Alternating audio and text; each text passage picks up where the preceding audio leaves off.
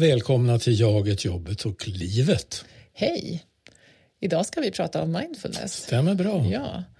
Och eh, idag har vi en väldigt speciell gäst. Ja, det vill jag mena.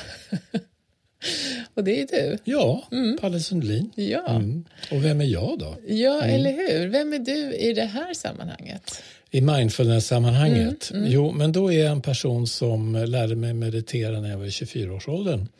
Och sen har jag ägnat mig åt vad man idag kallar för mindfulnessövningar eh, i princip hela mitt liv. Mm. Även under de förkättrade småbarnsåren så var jag trogen disciplinen och gick upp en halvtimme tidigare än alla hade vaknat för att meditera en stund. Mm. Och så vidare. Så det, det, är jag i det här sammanhanget. Mm. Mycket personlig erfarenhet mm. av meditation och mindfulnessövningar. Ja, och du är ju faktiskt också mindfulnessinstruktör. Numera är jag det, ja. ja. Mm. Mm. Ja. Ja, för jag tänker så här att mindfulness är något som seglar upp av och till hela mm. tiden mm. nu. Alltså det dyker in, eh, vi tittar på mjölkpaketet här om morgonen ja. och då så hade Arla eh, en, en liten formulering där om milkfulness. Ja. Att man skulle dricka mjölken med eftertanke och smaka på den och så vidare. Ja, där ja. har man fångat upp en väldigt klassisk mindfulnessövning som jag tycker är helt eh, vidrig, som jag inte har lust att göra och jag gör den aldrig. Att man ska äta ett russin väldigt så eftertänksamt. Mm, mm. Eh, men vi kan återkomma till vad jag upplever som lite avarter är för hårt ord, mm, men, men mm. ett slags förytligande och lite eh, ja, mm. svårfångat eh, mm, mm. flyteri kring allt det här. Ja, men det mm. kanske blir så, tänker jag, när det blir en trend. Mm. För det är ju liksom den ena aspekten av det här, mm. att, att det har blivit trendigt. Det har ju kommit en uppsjö av böcker som alla heter någonting på mindfulness. Ja, ja. ja. Och eh, vad var det du hittade? Mrs Mindfulness? Ja, det kan man hitta ute på nätet. Det finns två Mrs Mindfulness ja. än så länge. En svensk eh, och jag vet inte riktigt om hon fortfarande är aktuell som Mrs Mindfulness. Mm. Och sen någon i Amerika, mm. USA förstås, mm. Mrs mm. Mindfulness. Mm. Och det är mindfulnessinstruktörer. Jag vet inte om de är utbildade eller inte, men eh, mm. som förmedlar myspys i det här. Och Ehm, ja, det kan kännas lite konstigt ibland. Det kan bli ytligt. Ja, ja. ja. Nej, men för jag tänker också att, att det, det är lite speciellt, alltså det dyker upp i vår tid, mm. den här vurmen för mindfulness nu. Mm. Och jag tänker, mm. Vi har ju pratat i tidigare poddar om hur vår samtid är komplex mm. Eh, och mycket förändring och det rör på sig på olika mm. sätt. Och mm. att det dessutom, inte minst med pandemin då, mm. så har det blivit en ökad uppluckring av gränser i olika mm. sammanhang. Mm. Så vi är tillgängliga hela tiden med olika livsområden med, via våra tekniska eh, bärbara prylar eh, så blir vi nådda. Och, och, ja, det är mycket som, som liksom pumpar på hela tiden. Yeah och att det finns ett behov. Jag tänker den sunda delen av att det här är, kommer upp så starkt nu. Att mm, det finns ett behov mm. av att, att liksom få landa mm, på något mm, vis. Mm. Och så kommer den här lite mera det som man kan uppleva som det ytligare då, ja. samtidigt. Mm. Ett bra exempel eller en bra utgångspunkt i det, det är faktiskt den definitionen av mindfulness mm. som John Kabat-Zinn, en mm. amerikansk mm. läkare och forskare, myntade. Det var han som introducerade mindfulness kan man säga. Ja. Inte alldeles ensam, men det är han som har varit, tycker jag ändå, mest framgångsrik i det här och använde olika mindfulnessövningar på patienter med psoriasis, ja. vilket hjälpte dem på olika sätt. Eh, men eh, han eh, definierade mindfulness som att vara närvarande i nuet med avsikt eller intention utan att döma eller värdera. Mm. Och Det där är alltså en väldigt viktig hållning i de olika mindfulnessövningarna. Det är mm. också det som leder till den här avspänningsreflexen man kan få vilket gör att man upplever övningen så många gånger behaglig mm. och att man stressar av. Mm. Ja, men, eh, kan du säga något mer om vad, vad är det för effekter som man har kunnat se? Ja, det har ju forskats mm. Eh, massvis på meditation och mindfulness. Och Eh, resultaten spretar ju en hel del okay. åt olika ja. håll. Men, men ändå, det man har kunnat se som upprepar sig det är att en, en given individ som, som övar någon form av mindfulness eh, i princip dagligen, mm. flera gånger i veckan i alla fall. På sikt mm. så blir man mer stresstålig. Mm. Alltså man, man blir inte så reaktiv mm. i tillvaron, mm. i, i det vanliga vardagslivet. Inte så taggad? Inte så taggad, ja. nej. Mm. Det är inte så att man blir någon perfekt människa som går omkring och är liksom klockrent vis hela tiden. Men, men det blir ändå, det är också subjektiva upplevelser hos människor. Sen finns det forskning där man har mätt blodtryck och sånt mm. där på människor medan de till exempel sitter och mediterar och mm. kunna se att det, blodtrycket sjunker en del och så mm. vidare. Mm. Så att det finns en del lite fysiska hälsoeffekter också, mm. positiv natur. Men eh, stresstålighet, eh, åtskilliga människor berättar om eh, att de får bättre sömn. Mm. Um, ett exempel från mig själv är när jag var som sagt ung mm. och hade lärt mig eh, transcendental meditation mm. som man kan säga är en form av mindfulness på ett lite speciellt sätt. Att eh, när jag brukade vara ute och gå på stan så hade jag alltid ett väldigt tempo. Jag gick väldigt fort. Mm.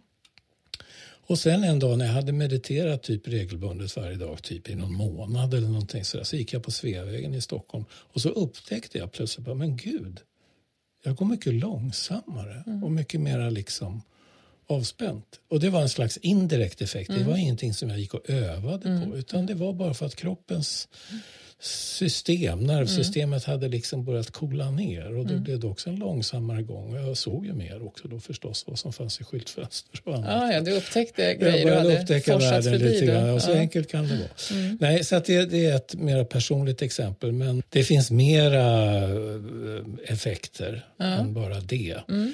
Men man kan säga generellt sett att just bara det faktum att man blir mindre stressad mm mindre taggad mm. så ger det ett inre utrymme att ta in mm. andra saker. Ja. Eller ta in, man blir inte så...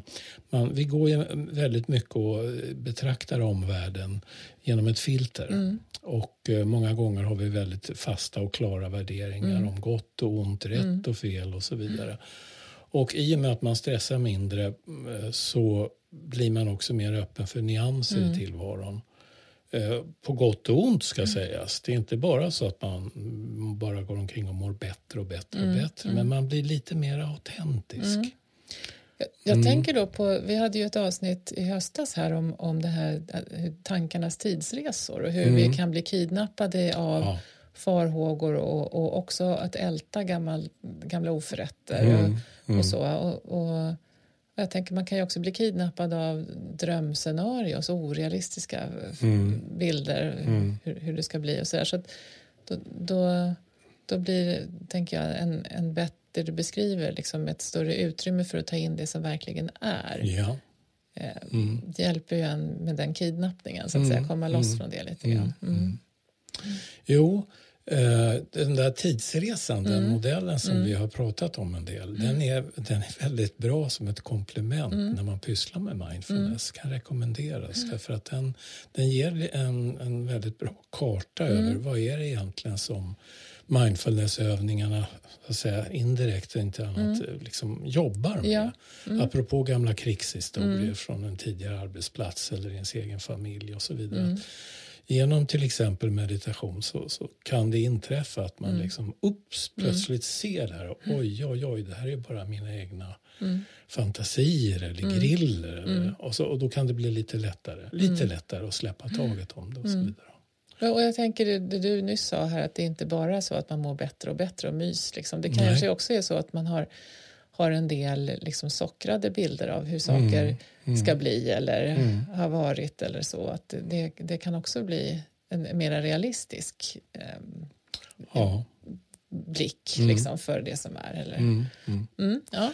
Och där närmar vi oss hela det här stora området självkännedom och så vidare. Men det, det, det ja. ligger på is så länge.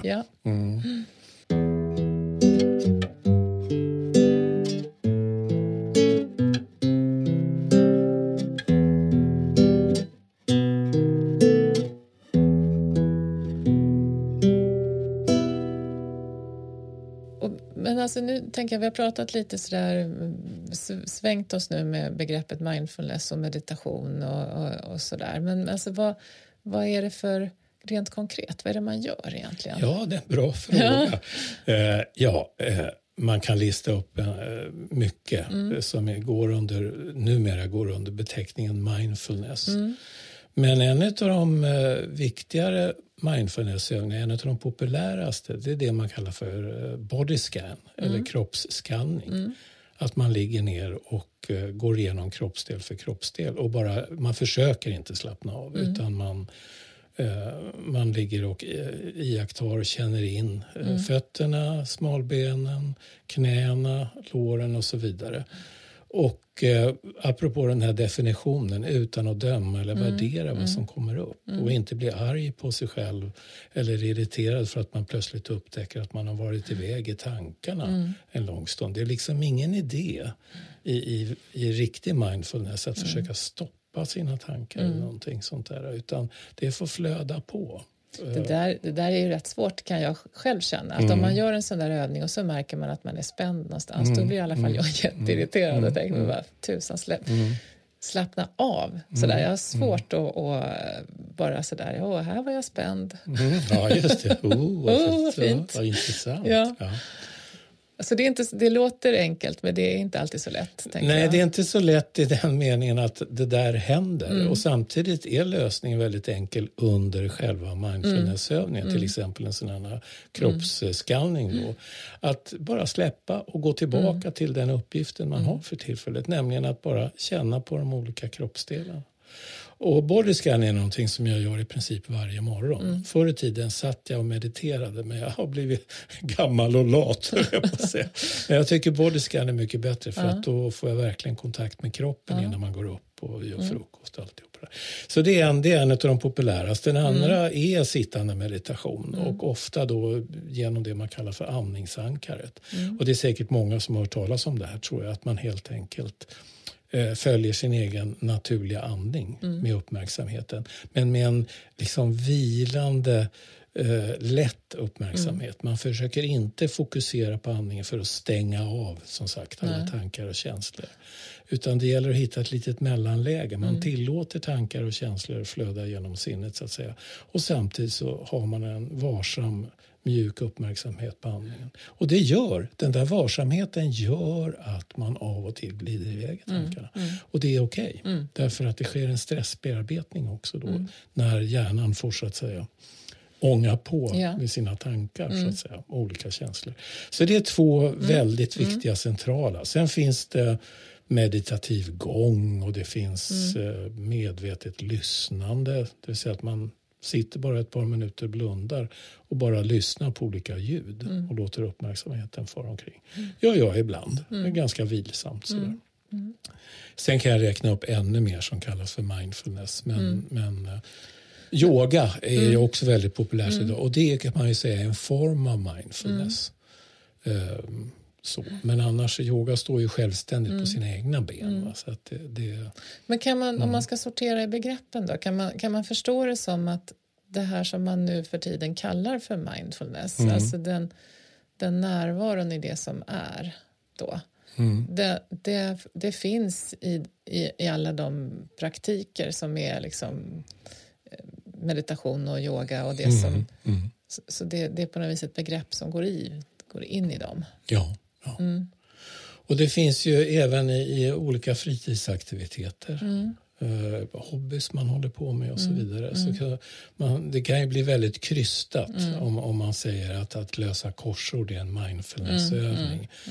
För att tycker man det är roligt att lösa korsord då blir man ju automatiskt närvarande ja. Det är ingenting man behöver öva på. Och framförallt inte sitta och fokusera på sin närvaro för att då blir det inte många, Nej. det är inte många Nej. gåtor som blir lösta Nej. i det där korsordet. Utan det är, men ja. ja men, men du, mm. det där är lite spännande för, mm. för det är någonting med alltså, att det blir lite pretentiöst med ja. begreppet mindfulness. Ja. Och, och då tänker jag vad du pekar på nu är något då som handlar mer om det där att man faktiskt är närvarande. Mm. Mm. Och, det, och det här kanske, man kanske inte är så medveten om att man är närvarande om man, om man håller på med något man gillar och är mm. närvarande. Då kanske man inte tänker på att man är nej. närvarande. Nej, nej, sådär, liksom. precis. Så det finns. Men, och sen tänker jag så finns det ju en det som vi eh, brukar, en, en sorts medvetenhet om ens närvaro som är väldigt vardagsnära, som är på jobbet. Det här med att, att checka in mm. och checka ut ifrån olika sammanhang. Ja. Alltså, särskilt det här när mötena går slag i slag mm. så kan det vara väldigt viktigt att man liksom orienterar om sig. Ja. Eh, till var jag är någonstans och kanske få hjälp genom att, att mötesledaren liksom påminner om syftet med varför vi träffas mm. och vad vi, mm. målet med det vi ska mm. göra och så. Och, och, att ibland att man gör en liten incheckning tillsammans, ja. en, en, övning ja. där vi liksom kollar om vi är på plats mentalt också. Mm. Mm. Eh, så, och det är ju liksom ett sätt att, att eh, jobba med de här gränserna mellan olika sammanhang så att vi inte sitter på ett möte och har tankarna på ett annat. Mm, mm. Eh, och, det, och det blir ju en sorts mindfulness ja, om man ska använda absolut, det begreppet och fast absolut. man inte tänker på det kanske mm. på det sättet. Det där associerar, där får jag associationer till något annat, ett annat tema som du och jag ständigt återkommer mm. till som också är relevant i det här sammanhanget, apropå arbetsplatsen. Mm. Och det är det här med roll och person. ja. uh, har man reda på allt det där, ja. roll och person, syfte och mål och sammanhang, mm. då är det väldigt mycket stress som mm. faktiskt lägger sig eller försvinner från en arbetsplats. Och det är väl här också med mindfulness och de här trenderna att, att det kan bli lite missriktat om man eh, går mindfulnesskurs mm. istället för att faktiskt reda upp i de roller man mm. har på mm. jobbet. Så att det, det riktas ju ibland kritik mot mindfulness-rörelsen mm. så att säga. Mm. Och en del av kritiken tycker jag är riktig. Mm. Att mm. en del organisationer och företag de tar in en mindfulness-konsult eller en sån som jag, en instruktör. När man egentligen skulle behöva sätta sig och prata igenom vad har vi för syfte ja. med den här verksamheten och så vidare. Och så vidare. Sen är det inte fel med, med att, att uh, öva mindfulness, Nej. absolut mm. inte. Och att det kan ha en viss effekt på hur jag funkar på jobbet. Om jag är mindre stressad, mindre taggad mm. och mindre benägen att missförstå mm. saker och så vidare. Mm. Absolut, fine. Va? Men, men uh, uh, ja, förstår du Ja, absolut. Ja, ja, ja. ja visst.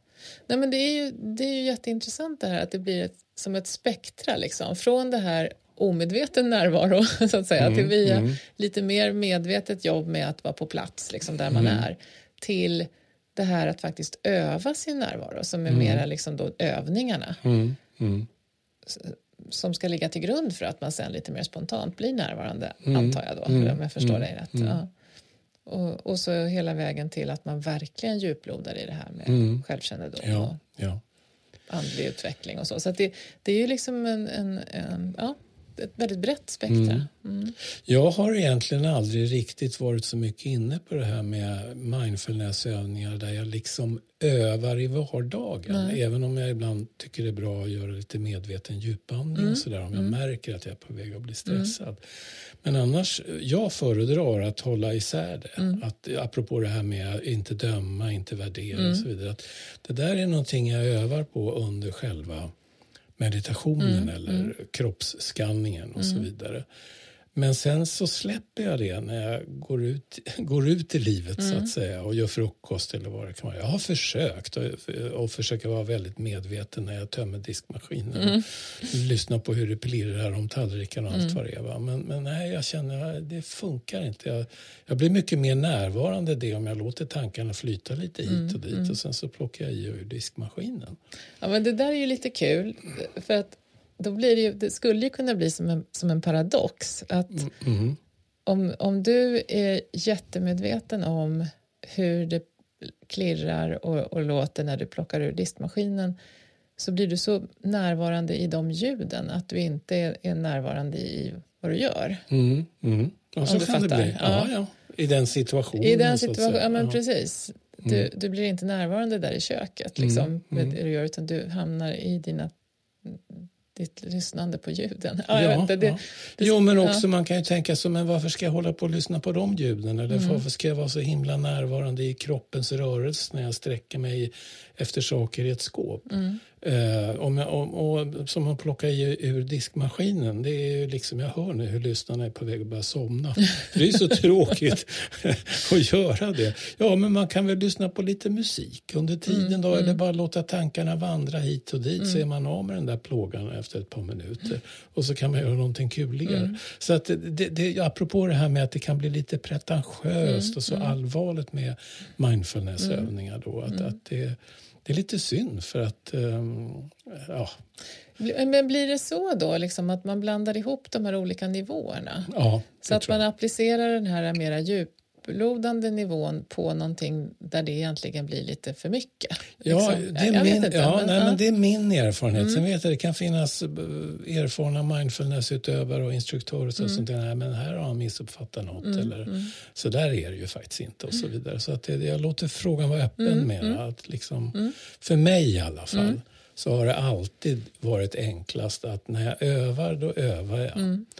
Och jag, for, jag mer och mer har svårt för ordet öva också. Mm. Man mm. pratar om att träna mindfulness och så vidare. Mm. Men, men att jag reagerar mot det mer och mer, det handlar ju också om det här med självkännedomen och mer mm. andliga frågorna mm. kring, kring eh, mindfulnessövningar. Då.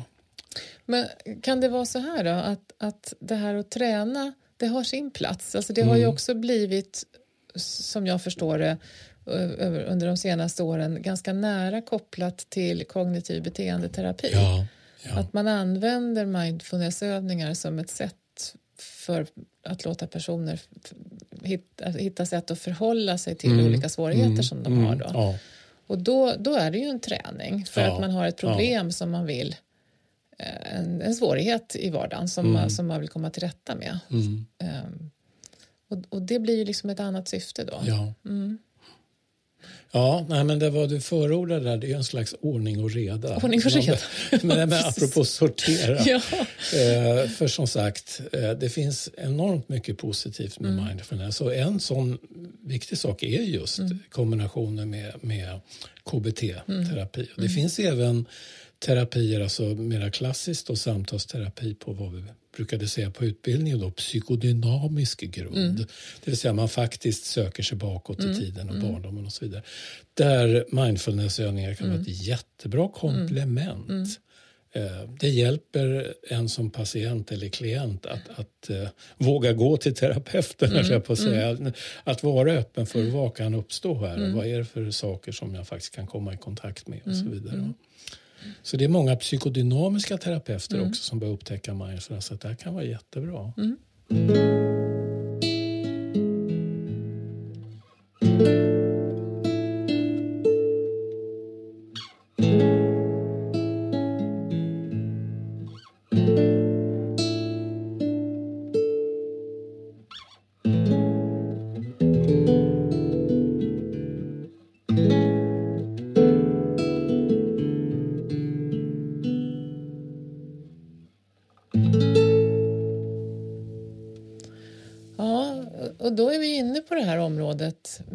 Självkännedom ja. och mindfulness i det sammanhanget. Ja. ja hur, hur, hur, tänker du då?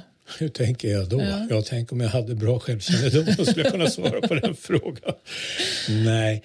Eh, det är ju så då att om man med hjälp av de här olika övningarna börjar öppna upp mer mm. inåt, så att säga. Eh, genom att inte ha den här dömande och värderande inställningen eller försöka mm. stänga av tankar och känslor och så vidare. Till, så, till sig själv? Liksom. Ja, till ja. sig själv ja. och det som pågår mm. i ens kropp och en mm. själ och så vidare. Då förr eller senare, hos väldigt många i alla fall, så börjar ju det bidra till att man får kontakt mm.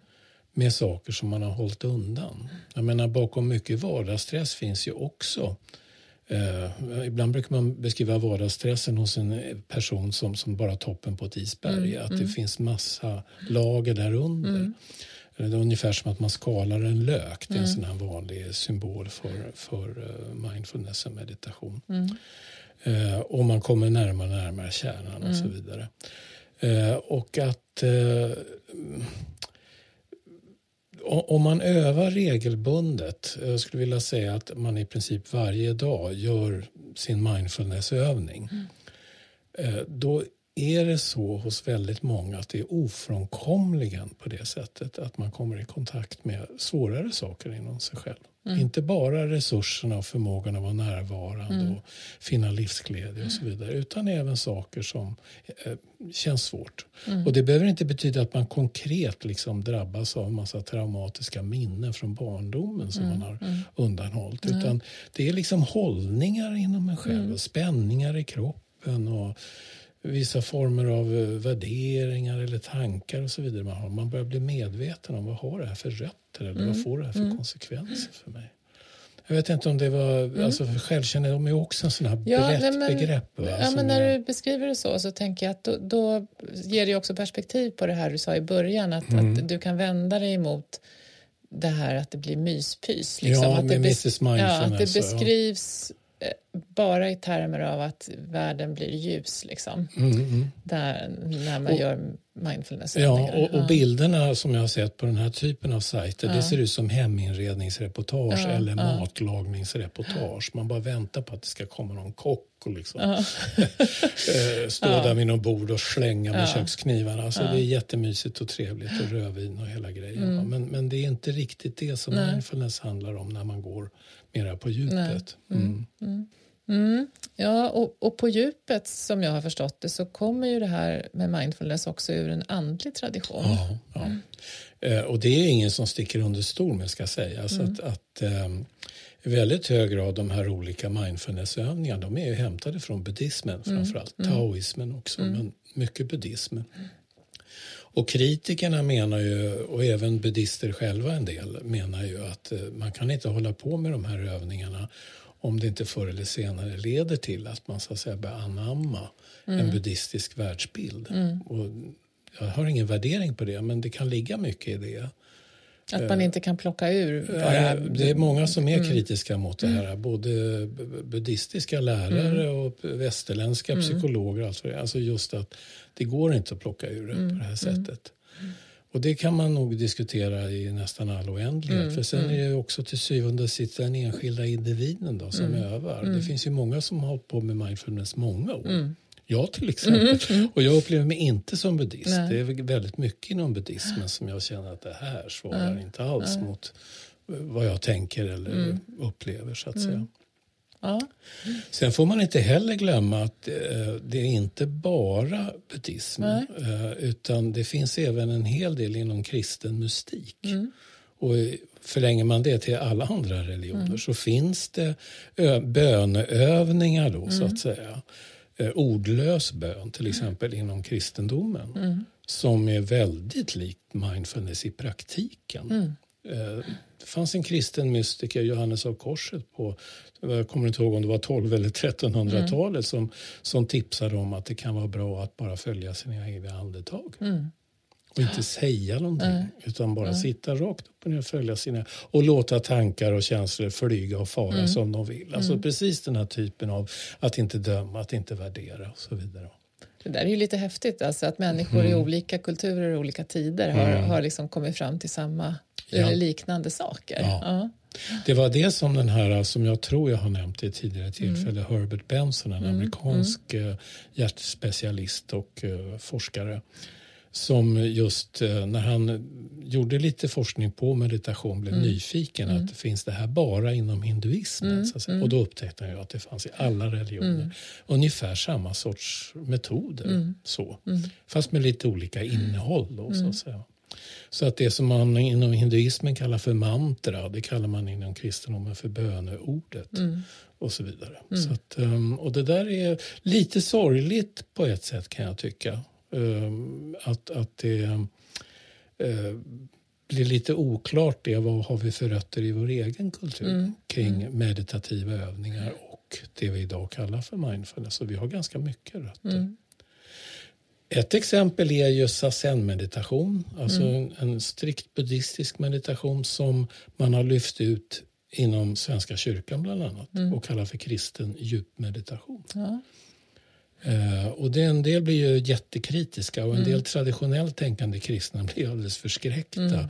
Liksom och ser det som att buddhismen infiltrerar kristendomen. Ja, okay. mm. Medan de som övar sasen då, i, mm. i kristet kontext, mm. apropå sammanhang, mm. då, de upplever ju inte alls att de håller på att bli buddister. Utan de upplever att de blir mer och mer, så att säga, lite pretentiöst och Jesus lärjungar verkligen. Mm, att mm.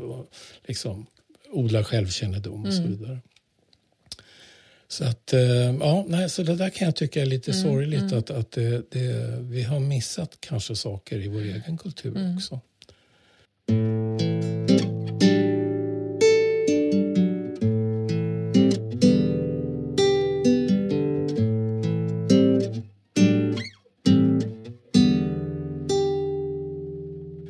Sen vet jag inte riktigt vad jag ska tänka kring det här med eh, att lyfta ut saker och ting helt. Jag menar om, om, om jag är helt ointresserad mm. av religion mm.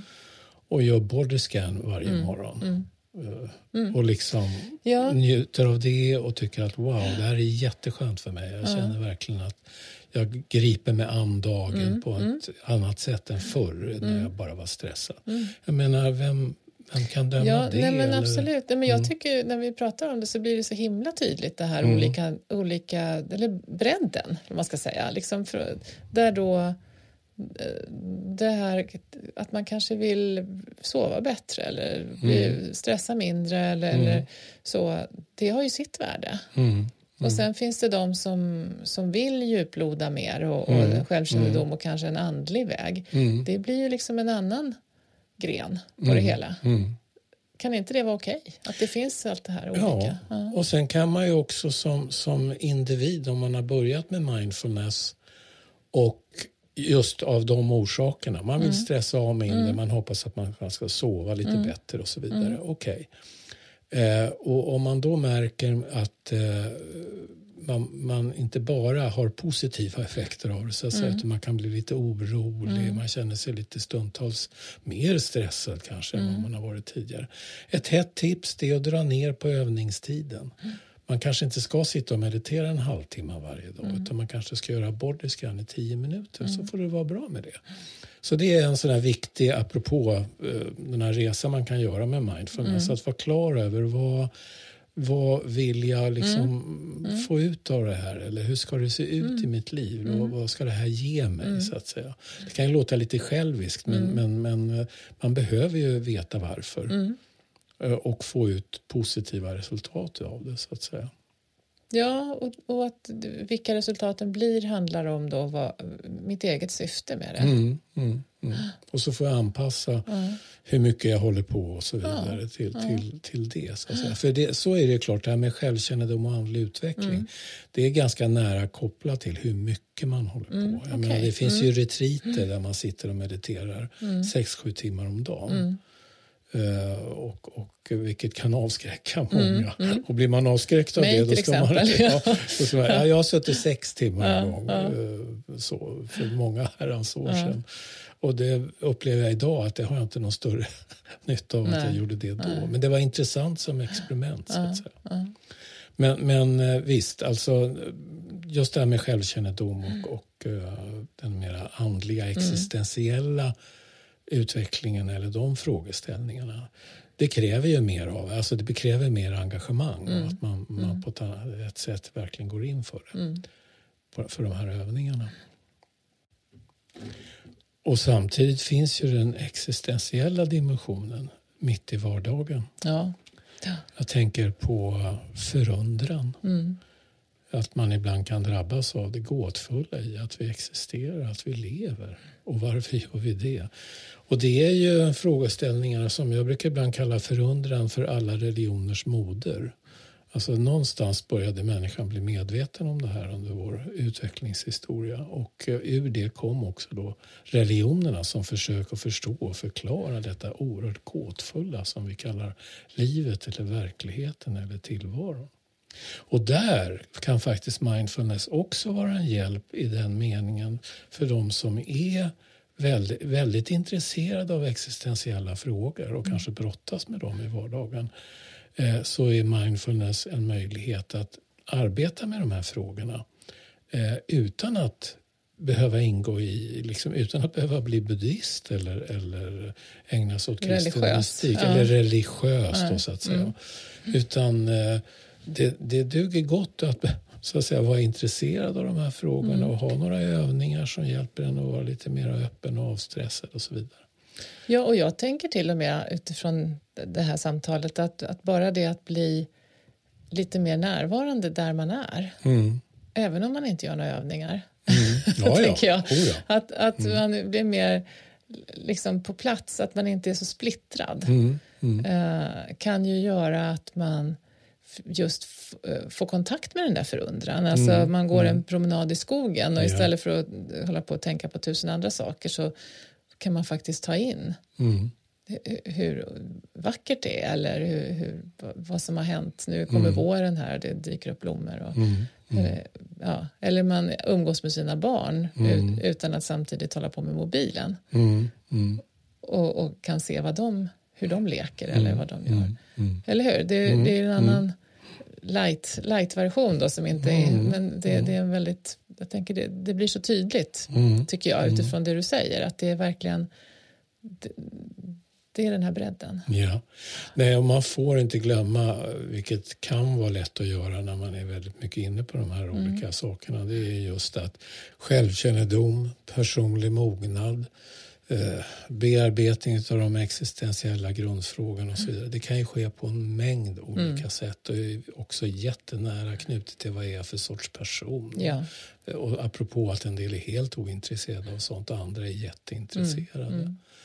Så att det, det är en sak, eh, ett citat som, som jag har från någon, eh, om det var någon zenmästare eller en kristen mystiker eller vad det var. att Eh, jag hörde det första gången på engelska. Meditation doesn't make me a better person but it saves me from getting worse. Mm. Mm. Och det är en väldigt bra utgångspunkt med mindfulness. Mm. Det vill säga att, att det här kommer inte att göra mig till en bättre människa mm. men det räddar mig från att bli ännu sämre. ja, ja.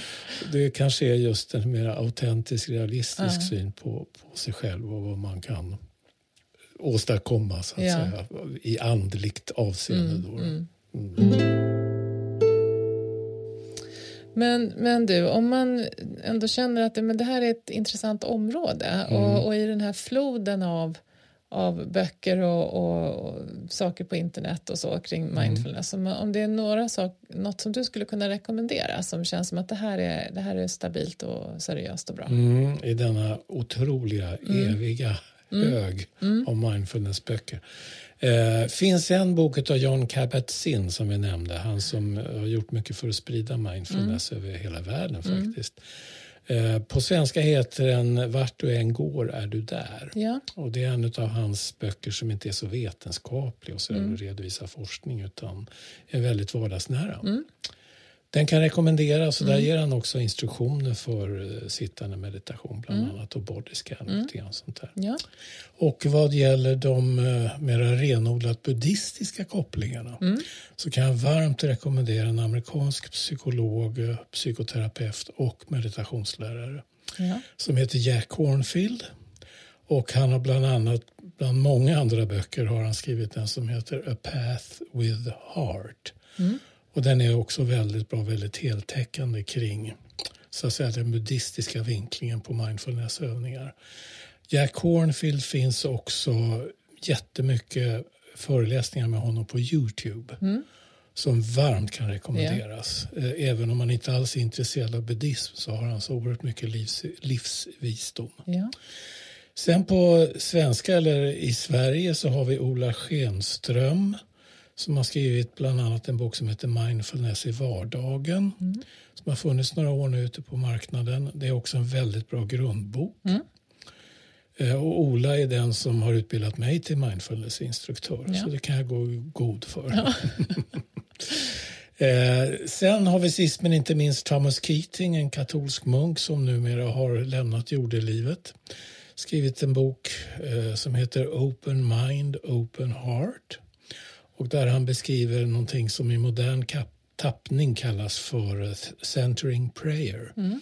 som är alltså besläktat med mindfulness. Men som, den här boken ger också en väldigt bra bild av den kristna mystiken och hur den har vuxit fram och hur den skiljer sig från traditionell kristendom och så vidare. Så för den som är intresserad av de rötterna mm. Mm. så kan jag varmt rekommendera den boken. Thomas Keating finns också på Youtube och han är väldigt rolig mm. också samtidigt, vilket inte är så tokigt. Nej. Mm. Sen har, ju, sen har ju du skrivit lite böcker också. Ja, ja. Det, det, har jag gjort. Jag har två med dig bland annat. Ja.